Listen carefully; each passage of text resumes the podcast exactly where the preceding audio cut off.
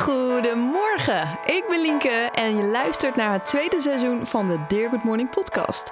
Elke week vertel ik je meer over de ochtend, ontdekken we de ochtendroutines van mijn gasten, wordt er een spel gespeeld en beantwoorden we vragen uit de Dear Good Morning community.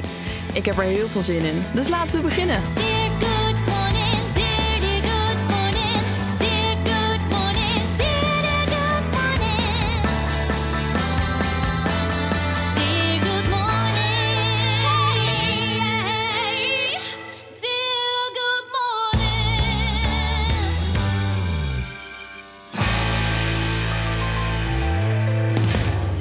Ja, ik wil het eh, hebben over schouderklopjes. Dat wordt gezien als een aanmoediging. En in mijn boek Dear Morning heb ik het daar ook uitgebreid over... dat ik mezelf elke ochtend een schouderklopje geef als ik uit bed stap...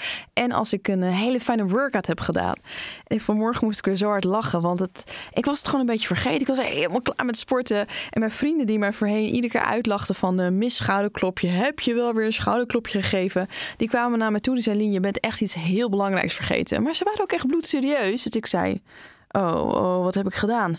Je bent je schouderklopjes vergeten. Nou, ik, hé, schouderklopjes aan mezelf gegeven. En dat werkte toch echt. Gewoon even een stukje soort van zelfliefde wat door mezelf raasde, schouderklopjes blijven geven. Dus heb jij deze ochtend nog niet jezelf schouderklopjes gegeven, is dit een teken om dat eventjes te doen.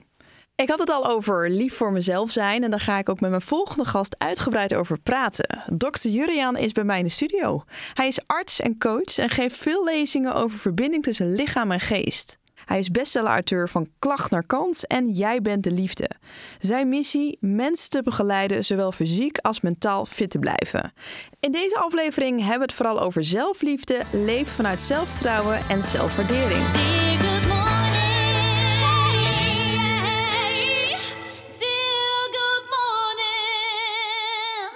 Juriaan, goedemorgen. Linke, goedemorgen. Hoe ben je vanmorgen opgestaan? Nou, een beetje brak. Na een paar dagen niet helemaal fit te zijn geweest. Maar ehm, toen mijn bed uitgesleept, uitgevouwen met een paar yoga-oefeningen. En toen gaan mediteren. En toen deze kant op gereden. Nou, dat klinkt hartstikke goed. En ik ben ook heel erg benieuwd hoe jij nou echt klinkt op de vroege morgen. Dus ik heb aan jou gevraagd of je een berichtje voor mij wilde inspreken. Laten we daar naar luisteren. Goedemorgen. Vanmorgen wat later opgestaan dan anders. Eh, nu zo rond een uur of acht. En ehm, de dag loopt sowieso helemaal anders. Normaal gesproken start ik altijd met bewegen en dan ga ik mediteren, lezen, schrijven en koud douchen. En nu totaal omgegooid. Ik ben gestart met een koude douche. En dan eh, ga ik zo meteen mediteren en meteen daarna paardrijden. En dan vind ik ergens op de dag vast, nog, vast en zeker nog een moment om even te lezen en te schrijven. Kijk, je hebt wel een routine, maar anders dan anders. Eh, Waar, lag- waar lag dat aan? Mijn leven was altijd super gedisciplineerd. Ik, eh, mijn leven bestond uit eh, gezin, werken, sport. Ja. En eh, eigenlijk andersom. Sport, werk, gezin. Ja, shit happens. Eerlijk. Dus ik kon mezelf echt altijd ertoe zetten om echt om vijf uur uit mijn bed te gaan. En dan kon ik eh, trainen. Ik deed triathlon. Dus eh, nou ja, echt als een topsporter leefde ik. Geleidelijk aan heb ik dat wat meer losgelaten. Ik ben zo gedisciplineerd van mezelf dat ik eh, al die stukken van mediteren, lezen, schrijven, et cetera, dat doe ik iedere dag wel. En voor mij werkt het nu heel goed om het gewoon wat losser te laten. En ik, ik sta gewoon op en ik, ik ja, voel een beetje eh, waar ik behoefte aan heb. En daar start ik mee. Dus ik heb niet meer zo'n enorm keurslijf als wat ik nou, meer dan 30 jaar, 40 jaar zeg maar heb volgehouden. Maar je merkt wel van, je hebt een bepaalde routine, maar wat losser. Het is oké als sommige onderdelen voorbij komen, sommige niet. Ja. Dat, dat je dan wat relaxter begint, of is dat gewoon nu wat bij je past? Ja, dat is wat nu bij me past. Ik beweeg iedere dag, maar eh, voorheen was het zo, oké, ik moest iedere dag hardlopen. Als ik echt geen zin heb, dan doe ik gewoon een half uur yoga. Dat kan altijd. Of ik doe krachttraining, of ik doe, nou ja, whatever. Het maakt niet uit. En juist doordat de gereedschapskist zo vol zit met allerlei mogelijkheden, is er altijd wel iets wat ik leuk vind om te doen in dat moment. Dus ik maak het echt veel meer afhankelijk van hoe ik me voel en wat ik fijn vind, dan dat het schema mijn leven bepaalt. Mooi. Maar er is dus wel altijd een routine, maar iedere keer weer waar je zin in hebt. Ja, Simone, mijn partner, die, die gedijt echt veel meer bij gewoon een vaste structuur. Als, als die dat niet heeft, dan, eh, ja, dan verzandt ze in alle mogelijkheden die er zijn. Wat er uiteindelijk toe leidt dat er helemaal niks gebeurt. Oh ja. En dat heeft me ook la- laten zien dat het voor ieder persoon anders is. Dus de mensen die. Er zijn mensen die heel lang heel gedisciplineerd zijn geweest en juist er baat bij hebben om het wat los te laten. En er zijn andere mensen die zeggen van nee, maar als ik het loslaat, dan komt er helemaal niks van. Ik heb juist wel die discipline en harde structuur nodig. Ik heb heel lang gedacht dat één ding voor iedereen zou werken, maar dat, dat is gewoon niet zo. Nee, maar ik vind het ook wel mooi dat je dat zegt. Het is een beetje af en aan. Bij mij merk ik ook van, nu ben ik heel erg gedisciplineerd. Elke ochtend sta ik om zes uur in de sportschool. En dan wil ik me ook echt aan vasthouden, want het geeft mij structuur, geeft me ook een bepaalde rust. En soms heb ik van die periodes van, ik zie het wel. Maar als ik dat nu zou doen, ik zie het wel, zou ik daar, zou ik daar heel onrustig van worden. Ja. Dus ik denk dat er verschilt in ja, hoe je even in het leven staat en dat het eh, iedere keer verandert. Hey, laten we even eh, beginnen over je carrière. Want je komt uit een huisartsen, huisartsenfamilie. Je vader was huisarts. Ja. Wil je altijd al arts worden? Nee, ik wilde alles worden behalve dokter en al helemaal geen huisarts, wat mijn vader ook was. Dus ik heb op een blauwe maandag heb ik werktuigbouwkunde gestudeerd, omdat iedereen, iedereen die vond dat ik dat moest doen. Nou, ongeveer een maand, dat was midden in de zomer. Nou ja, net nadat het schooljaar weer was gestart. Ik weet het nog supergoed. Ik kwam bij mijn moeder, die zat op het terras. Ik zeg van, nou, dit is het niet. En zij zei, godzijdank, van joh, Jur, maar dan moet je ermee stoppen. Oh, dus ehm, ze had ook iets anders kunnen zeggen. En toen ben ik me gaan voorbereiden op de sportacademie. Ja. En toen heb ik de toelatingstest voor de sportacademie gedaan. Uiteraard gehaald. Toen ben ik de sportacademie gaan doen. En toen kwam ik een turnleraar daar tegen. Die deed ondertussen ook de huisartsenopleiding. En hij zei tegen mij van... Jur, wat kom je hier in hemelsnaam doen? Omdat het qua kennis natuurlijk eh, zeg maar onder mijn niveau was. Maar ik had het daar onwijs naar mijn zin. Maar ik realiseerde me ook wel van... Ja, shit, ga ik dit de rest van mijn leven doen? Ga Ja. ik de rest van mijn leven voor de klas staan? Hmm, dat nou ook weer niet. Dus toen waren er eigenlijk drie opties. Of ik ging eh, fysiotherapie doen, of bewegingswetenschappen, of geneeskunde. Met het idee om eventueel sportarts te worden. Nou, fysiotherapie, dat eh, zat toen een beetje in een verdomhoekje in die tijd. Bewegingswetenschappen, dat was voor mij echt veel te analytisch. Nou, en bleef geneeskunde over. Dus toen ben ik geneeskunde gaan studeren. Eerst met het idee om sportarts te worden Ja. Alle opleidingen op het gebied van sportgeneeskunde ook gedaan. Maar uiteindelijk trok het huisartsenvak toch het meest, omdat het heel breed is. Het is buiten de muren van het ziekenhuis. En je kan volledig zelf bepalen hoe je het inricht. Dus niet zozeer geïnspireerd door je vader, maar die was misschien stiekem toch wel een beetje trots van heel goed. Mijn zoon die gaat ook eh, de, deze wereld in. Ja, die was zeker trots. En helemaal toen ik besloot om de praktijk over te nemen. Dus we hebben een tijd lang samengewerkt. Ja, ik vind het ook heel mooi in jouw nieuwste boek. Jij bent de liefde. Ben je vrij open over je band met je, met je vader, met je moeder. En daarin vertel je ook op, op een moment dat jij natuurlijk anders eh, wilde gaan insteken. De praktijk anders wilde gaan, eh, nou ja, meer holistischer wilde gaan maken. Dat je vader daar, zag gezegd, totaal niet blij mee was.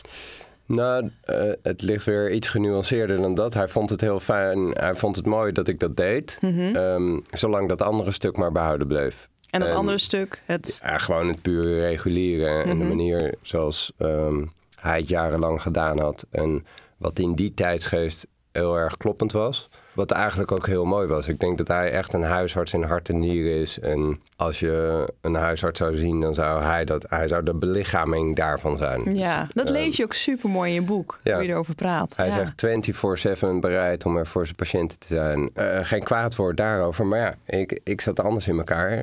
Uiteindelijk besloten om daar een samenwerking met een andere dokter te beëindigen... die eigenlijk precies zo werkte zoals hij dat deed. En dat was niet alleen voor hem een soort dolksteek in zijn rug... maar voor heel veel collega's, Ja. voor assistenten, voor patiënten. Dus dat was een eh, pittige tijd, maar wel super waardevol... om daarin te leren voelen van... oké, maar wat wil ik nou eigenlijk? En hoe ben je dan zo erbij gebleven? Want ik kan me voorstellen, vooral als je... Ik heb een hele goede band met mijn ouders. En jij ook, als ik, hè, als ik dat zo lees in je boek. Dat je dan het gevoel hebt, ja, ik stel wel dan misschien mijn vader teleur... maar ik wil wel ook echt mezelf, echt die, die mezelf blijven volgen... mijn eigen pad blijven volgen. Hoe maak je daar de keuze in, de balans? de fuik die werd eigenlijk steeds kleiner. Ik voelde gewoon aan alles in mijn lijf dat ik het niet meer wilde zoals al die mensen het om me heen wilden. Omdat het me. Ik had dat heel lang geprobeerd. Ik denk wel vijf, zes jaar lang om wel in dat stramien mee te gaan. iedere keer als ik het op die manier deed, dan, voel- dan voelde ik een soort van irritatie. Ja, maar dit, dit is eigenlijk niet wat ik wil. Het is juist die frustratie geweest waarbij ik voelde van ja, maar deze prijs die wil ik niet nog langer betalen. Dat ik dacht van oké, maar ja, dan ga ik dus een andere prijs betalen. Ik zat toen al in een, in een transformatieproces met mijn persoonlijke ontwikkeling. Dus ik had heel veel mentoren zeg maar, om mij heen waar, die ik regelmatig kon raadplegen. Eén iemand die zei toen tegen mij: Joh, Jur, ben je bereid om failliet te gaan als dat de prijs is die je moet betalen om te kunnen Ja. gaan doen waarvoor je hier bedoeld bent? Daar hoefde ik echt geen seconde over na te denken. Dat was gewoon een volmondige ja. En toen viel er eigenlijk een enorme sluier van me af. Een enorme last viel er van me af omdat ik me toen realiseerde dat ik echt bereid was om iedere prijs te betalen die nodig was om te kunnen worden wie ik bedoeld ben om te zijn. Kan je dat moment ook echt herinneren waar je bijvoorbeeld stond, waar je was van, ja, het is gewoon zo. Dan verlies ik maar alles, maar ik volg wel letterlijk mijn eigen hart. Want zo klinkt het nu voor mij. Dat je denkt van anders ben ik niet eerlijk naar mezelf toe. Ik ga gewoon echt dit doen. Punt. Nou, dat zijn eigenlijk heel veel verschillende momenten geweest. Er is niet één moment geweest waarop ik dacht van oké, dit ga ik doen. Dat is het. Ik had geen idee waar het naartoe ging. Ik wist wel wat ik absoluut niet meer wilde. Als ik terugkijk, zijn er heel veel momenten geweest waarop er wat eigenlijk zo'n soort, eh, zo'n soort zaadje was wat ik geplant had. Er, er zijn momenten geweest waarin ik dacht van... ik wil gewoon niet meer om acht uur 's ochtends beginnen. Ik wil gewoon rustig mijn dag kunnen starten. Eerst beginnen met tijd voor mezelf, eh, rustig kunnen sporten. En hoe gaaf zou het zijn als ik gewoon een keertje halverwege de ochtend zou starten. Maar dat was een absolute no-go. Ja. Alles binnen de geneeskunde begint zo rond de klok van 8 uur, gaat door tot 5 uur. Dan mag je hopen dat je klaar bent als je niet dan nog eens een keertje een aantal andere visites moet doen of je avonddiensten nog moet draaien. Totdat ik op een gegeven moment bij een sportschool in Laren ging werken en daar kon ik een sportspreekuur doen, maar dat was ochtends vroeg. En toen realiseerde ik me, ja, dat wil ik wel doen, maar dan moet ik eigenlijk opvang vinden voor die eerste uren in mijn eigen praktijk. Nou, dat had ik geregeld, want ik wilde dat gewoon. En toen, na een aantal maanden, twee jaar misschien, toen eindigde dat stukje bij die sportschool in Laren. En toen dacht ik van, ja, nou kan ik weer terug naar acht uur, of ik laat het gewoon zoals het is. En dat we al dat soort kleine momenten waar, ja, lieten mij zien dat ik het dus helemaal kon doen op mijn manier. En dat de vaste structuren waar we vaak in vastzitten en die we klakkeloos aannemen voor waar en voor onveranderbaar, ja. dat dat dus helemaal niet zo is. Jij kan het helemaal doen op jouw manier. Een mooi brugje naar de verbinding. Want jij praat in je boek Jij bent de liefde over leven vanuit zelfvertrouwen, zelfrespect en zelfwaardering. En vooral de verbinding tussen hoofd en lichaam. Merk jij, als je kijkt naar jouw praktijk, en misschien heb je daar wel voorbeelden in, dat je heel snel ziet van ja, je mist gewoon verbinding tussen hoofd, hoofd en lichaam. Zie je dat, dat dat steeds, is het een, ik geloof bijna dat het een soort van trend is dat we die verbinding aan het verliezen zijn. Dat je dat gewoon merkt van hé, hey, dit is gewoon opvallend en ik heb die verbinding nu wel zelf gevonden. Ik ga dat nu geven aan anderen. Het is grappig dat je me nu zo stelt, maar ik denk dat heel veel mensen die komen met bepaalde klachten, dat die deze verbinding zijn verloren. Dus dat ze de verbinding met andere dingen belangrijker zijn gaan maken dan de verbinding met zichzelf. Dus nou, misschien wel de verbinding met eh, de handtekening die ze hebben gezet onder het contract, eh, onder het huwelijkscontract met hun partner.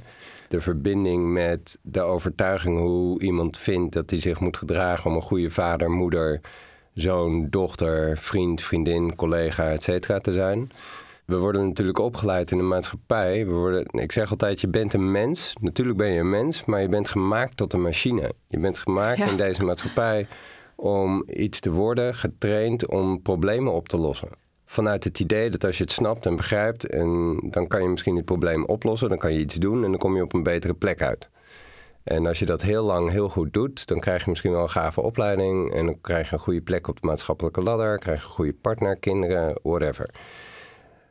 Alsof dat de roadmap to succes is. Ja. Maar heel veel mensen zijn dus helemaal niet uitgekomen op de plek die ze ten diepste zouden willen. Dus zou het dan kunnen dat er iets in deze strategie dat die gewoon niet klopt.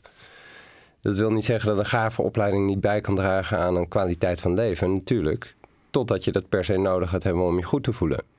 En dan krijgt die opleiding of de manier hoe jij vindt dat je je moet gedragen als ouder of als dochter of als zoon, dat krijgt dan leiding over jou, omdat je vindt dat je je zo moet gedragen, zodat je dan een goed mens kan zijn. Ja, precies. En dan lijkt het alsof je de touwtjes in handen hebt, maar dat- is ook zo. Maar dan wordt er aan de verkeerde kant aan getrokken.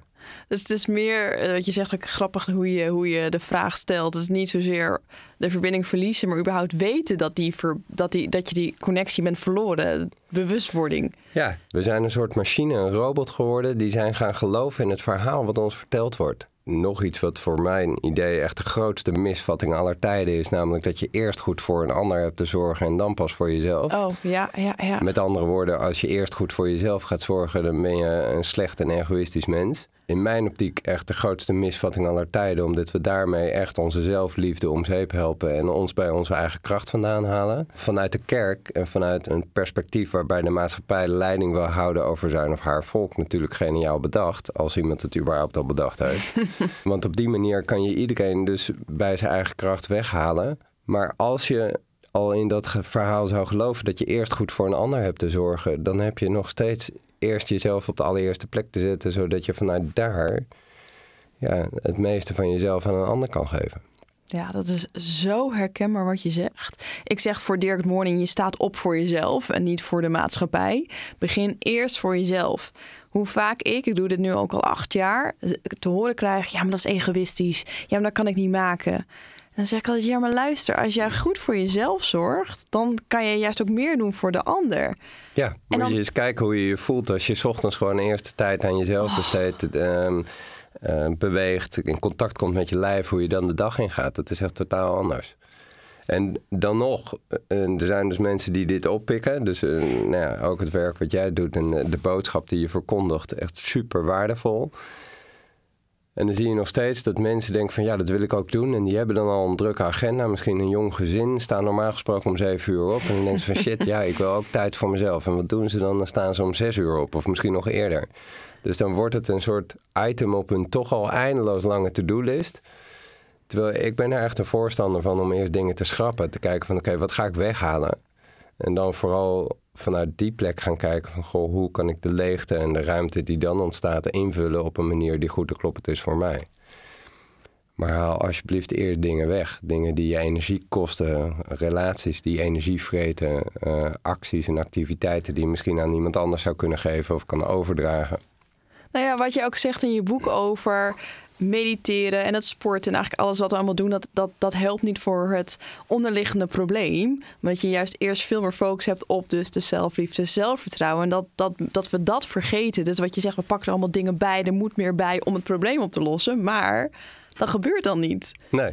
En, eh, zelfliefde komt al gauw in een soort geitenwolle sokken eh, Ja, hoekje natuurlijk van zelfliefde. Ja, nou ja, dat is iets voor, voor mensen met heel veel kettingen, heel veel wierook en glazen bollen. Ehm, maar in essentie is het daar wel over gaat. Dus in het einde van het boek zeg ik ook van, ja, maar ja, wat is zelfliefde? Misschien is zelfliefde wel gewoon dat je helemaal mag zijn wie jij bent. Ook als een ander het lastig vindt. En dat je vanuit die zelfliefde vervolgens ook kan zeggen tegen een ander van... oké, en jij mag helemaal zijn wie jij bent, ook wanneer ik dat lastig vind. Dus dat gaat vanuit een hele andere plek van respect dan wanneer en zelfliefde, waarbij we liefde meestal betitelen als iets van: oké, stel dat ik tegen jou zeg, ik vind jou lief, dat het dan door de ander wordt waargenomen als: oké, dan ga jij dus dingen doen die, die ik fijn vind. oh ja, ja, ja. ja. En dat is niet wat liefde is. Liefde is, naar mijn optiek, liefde is geen, eh, het is geen daad. Het is, niet, eh, het is niet iets tastbaars. Liefde komt tot uiting gewoon in de acties die je doet. Nou, jij hebt ook een, een voorbeeld in je boek. Ik weet niet natuurlijk of jij het nog allemaal kan herinneren. Ik pak hem er even bij. Want je zegt als je voor 100% compleet bent, dan verandert het doen, hebben en zijn in zijn, doen en hebben. Dat vond ik namelijk een heel mooi voorbeeld. En ik snap nu als mensen luisteren van, hè, dit, dit snap ik even niet. Zou je dit principe kunnen uitleggen, wat je daarmee bedoelde? Ja, het principe van doen, hebben, zijn is dat we hebben geleerd om eerst iets te moeten doen. En als je iets kan doen, dan kan je iets krijgen, kan je iets hebben. En als je iets hebt, dan kan je iets zijn. Dus, nou, simpel voorbeeld. Als jij maar heel hard je best doet op school, dan krijg je een diploma. En als je een diploma hebt, dan ben je succesvol. Als jij heel goed naar je luistert, dan krijg je waardering. En als je waardering krijgt, dan ben je nou, gelukkig of ben je happy, et cetera. Dus we, Er zijn heel veel plekken in ons leven, zoals we opgevoed worden, waarbij je eerst iets moest doen. Want als je iets kon doen, dan kreeg je misschien wel bestaansrecht. En als je bestaansrecht hebt, dan ben je gelukkig. En dat lijkt een hele logische route, alleen het is een risicovolle plek om te zijn. Want je moet dus altijd in actie komen voordat je iets kunt zijn. Maar ja, je hebt je bestaansrecht al lang verkregen. Dus stel nou dat je ervan uitgaat dat jij helemaal er mag zijn. Dat je dat je ook kan voelen, dat je zegt van oké, ik mag er zijn simpelweg omdat ik er ben. De zelfliefde. Ja, en daar hoef ik in essentie niks voor te doen. Toen ik net geboren werd, hoefde ik niks te doen om lief gevonden te worden door mijn ouders of mijn opvoeders. Alleen gaandeweg zijn we dus, ja, hebben we geleerd dat we dus wel eerst iets moeten gaan doen voordat we iets kunnen krijgen en iets kunnen zijn. Nou, als je het nou omdraait en je zegt van oké, ik ben al, oké, ik ben een mens en dat betekent dus ook dat ik fouten maak. Ik ben niet perfect, maar ik ben een mens en dat is precies zoals het hoort te zijn, want dat stelt me in staat om te kunnen leren, groeien en ontwikkelen. Dan kan je vanuit die plek kan je, ja, kan je van alles krijgen en kan je ook van alles gaan doen het waardevolle daarvan is, is dat het dus niet meer afhankelijk is van, ehm, nou, van de studie die je doet. Het is niet meer afhankelijk van de dingen die je bezit. Dan heb je dus de mogelijkheid ook om te zeggen van oké, ben ik bereid om alles te verliezen als dat de prijs is die ik moet betalen om helemaal te kunnen zijn wie ik bedoeld ben om te worden. Dat is wel voor veel mensen denk ik zo dat die, die dit is diep wil ik zeggen, maar dat maakt het ook weer zo zweverig wat het helemaal niet is. Maar het komt er eerst op neer zelfliefde, je zelfacceptatie. Uiteindelijk kan je hè, die dingen die wij 's ochtends doen er, er mooi bij pakken, want die kunnen bijdragen aan. Maar begin eerst even bij letterlijk wie ben jij en wat voel je en waar wil je naartoe. Ja. Dat, is, dat is eigenlijk de hele Nou, wat mij, om het iets, eh, ehm, om het iets meer down to earth te maken, als we de andere pan- kant pakken, dus het, het meeste van ons lijden met een lange ei wordt veroorzaakt doordat we per se een goed mens willen zijn. De ingang om naar zelfliefde toe te komen is dan om je te realiseren dat je gewoon niet perfect bent. Punt. ja. Ja, de- je bent niet perfect. En dat, nogmaals, dat is precies zoals het moet zijn. Want juist door je imperfecties ben je in staat om te le- leren, groeien en ontwikkelen.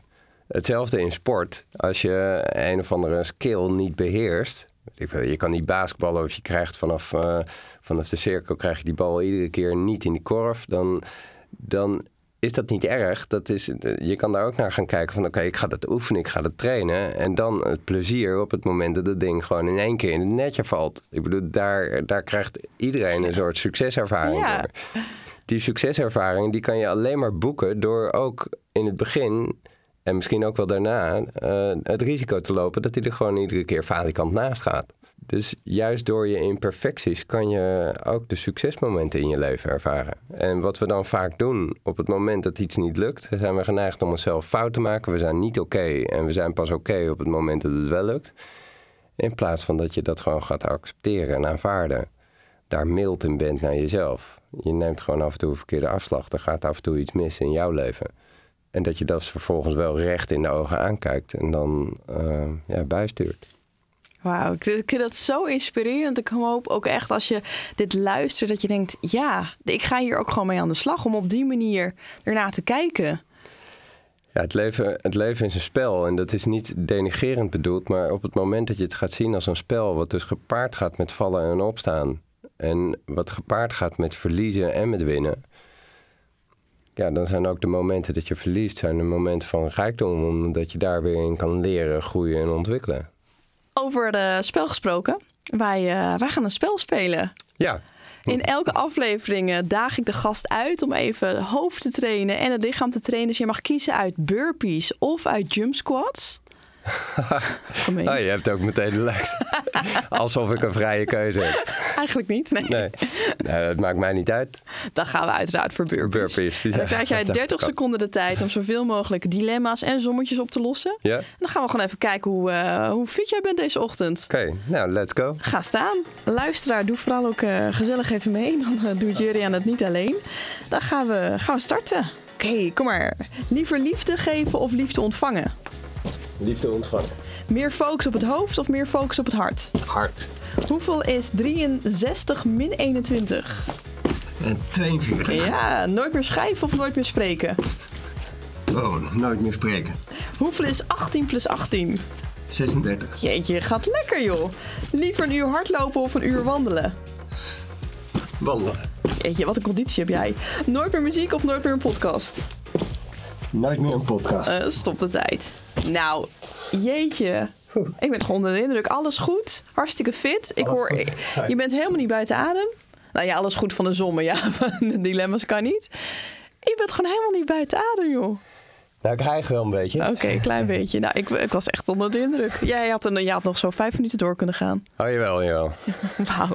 Oké, nou ik wil eigenlijk zeggen, kom even een beetje bij. Maar dat is helemaal niet nodig. Dus we gaan gelijk door naar de, de community vragen. Want in mijn Dear Good Morning community kunnen mijn leden vragen aan jou stellen. Laten we naar een aantal vragen luisteren. Mijn vraag voor Juliaan.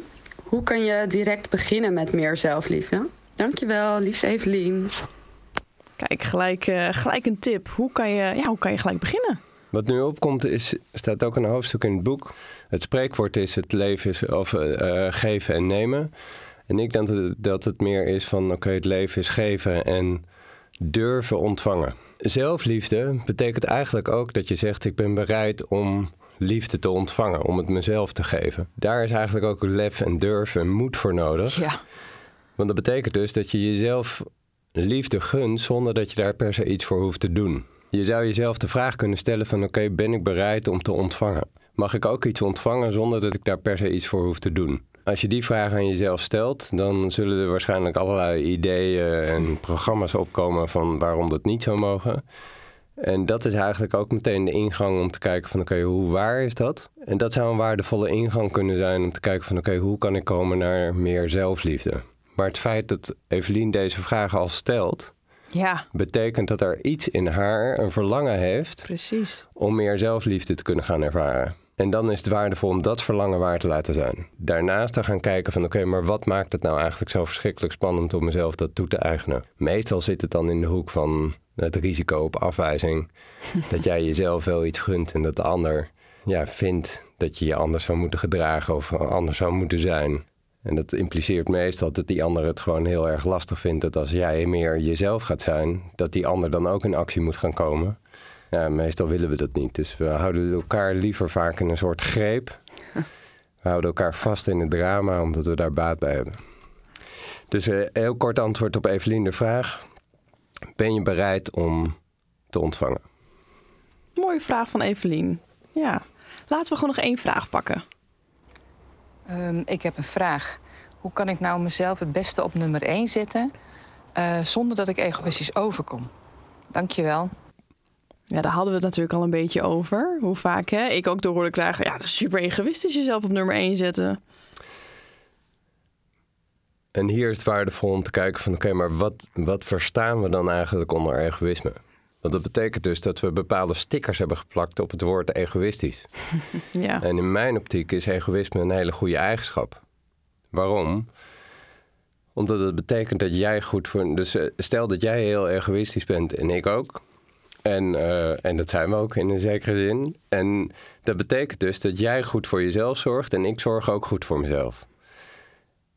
Dat maakt de ruimte tussen jou en mij heel erg open. Want op het moment dat ik er even niet voor jou kan zijn, om wat voor reden dan ook, dan heb jij in ieder geval de power en de macht om te zeggen van oké, eh, dat is balen, maar dan doe ik het in ieder geval voor mezelf. En natuurlijk fijn als je een arm om me heen slaat als ik verdrietig ben of alleen of me ellendig voel. Maar dat op de momenten dat jij daartoe niet in staat bent, dat ook ik op die manier nog steeds wel goed voor mezelf kan zorgen. Dus we ontlasten de relatie van de plicht om elkaar per se leuk, lief of aardig te moeten vinden. En daarmee wordt de relatie en de verbinding dus heel open en ook oprecht. En kan je ervan uitgaan dat als de ander er voor jou is, dat hij dat echt doet omdat hij of zij dat wil. En niet omdat hij leuk, lief of aardig gevonden wil worden. precies. Ja, ja, ja, herkenbaar. Dus ik ga graag om met mensen die egoïstisch zijn. Gelukkig. en je bent, weet je, je bent een mens. Dus in essentie wil je ook verbonden zijn met andere mensen. Maar de plek waarvanuit we verbonden willen zijn, die kan wel heel erg verschillen. Doe je dat echt omdat jij verbonden wil zijn met de ander? Of wil je vooral verbonden zijn omdat je er iets voor terug wilt krijgen? Stof tot nadenken. Oké, we gaan naar eh, de laatste vraag. Hoi, ik heb een vraag. Ik zou echt heel graag ook een eh ochtendgekkie willen worden. Ik heb alleen geen idee hoe ik moet beginnen of waar ik moet beginnen. Hebben jullie misschien eh, tips? Kijk, dat is een beetje een algemene vraag. Ochtendgekkie willen worden. Ja, ik zeg altijd, begin gewoon met iets wat je leuk vindt. Dus voor mij is dat echt sporten. En, en, en, en weet waarvoor je het doet. Dus wat je eruit haalt. Ik weet dat ik er energie van krijg, dat ik er gelukkig van word, dat ik productief ben over de dag. Dus door dat doel wil ik opstaan. Wat zou jij tegen zo'n iemand zeggen? Ja, ik zou het omdraaien. Ik zou zeggen, wat maakt dat je het nu nog niet doet? En dat er geen goede of een foute keuze is, maar dat je hoe dan ook een prijs betaalt. Dus het is niet erg om jezelf steeds te saboteren en het niet te doen, maar daar betaal je een prijs voor. En op het moment dat je besluit om iets wel te gaan doen, en dan vooral wat jij ook zegt, de lat niet te hoog te leggen, maar al is het gewoon een paar buikspieroefeningen of een paar yoga poses, et cetera. Maar ook daar zal je een prijs voor betalen. In de vorm van dat je even je ertoe moet zetten of dat je even een drempeltje over moet. Dus er is geen foute keuze, maar je betaalt altijd een prijs. En welke prijs wil jij betalen? Oké, Juriaan, jeetje, het liefst praat ik nog uren, uren verder met je. Ik hoop in ieder geval dat mensen echt jouw boek Jij bent de liefde gaan lezen. Want daar haal je zoveel tips uit. Maar ik zei het al, wat vaker stof tot nadenken. En hoe je wat meer in het leven mag gaan staan. Echt zelfliefde. Ik eh, vond het mega inspirerend. Ik wil je echt heel erg bedanken. Nou, super fijn om hier te zijn. Echt, eh, ja, je energie en zo. eh, nou, het is net als op de Instagram. Dus echt, je had eigenlijk mee moeten doen met de burpees. is een beetje jammer. Wij maar gaan binnenkort samen sporten. Ja, oké. De tip van de week. Plan de komende week vijf minuten per ochtend in voor zelfliefde en zelfwaardering. Dus als jij wakker wordt, ga je gewoon heel even voelen wat goed voelt voor jou. Intunen bij jezelf. En dat ga je ook doen. Ik ben heel erg benieuwd eh, wat voor boost jij krijgt aan liefde naar de, een week dat echt voor jezelf gaan doen. Lief zijn voor jezelf is ook werken aan je herstel na een intensieve training. En daarom wil ik je op het hart drukken om echt aan de slag te gaan met de Dear Good Morning Blackwell Box, die ik samen met mijn sponsor Blackroll heb ontwikkeld. Je vindt een foamroller, een mini foamroller, massagebal en video's om eh, ja, aan de slag te gaan met je herstel. Check voor alle informatie eh, de show notes. Volgende week heb ik in de uitzending Die Carter, bekend van het programma Kamp voor Koningsbrugge en zijn boek Nu of Nooit. Abonneer je op deze podcast. En naast de podcast ben ik ook bezig met een journal die 18 oktober uitkomt. Dus ik zou zeggen, pre-order hem alvast. En bij deze, tot volgende week.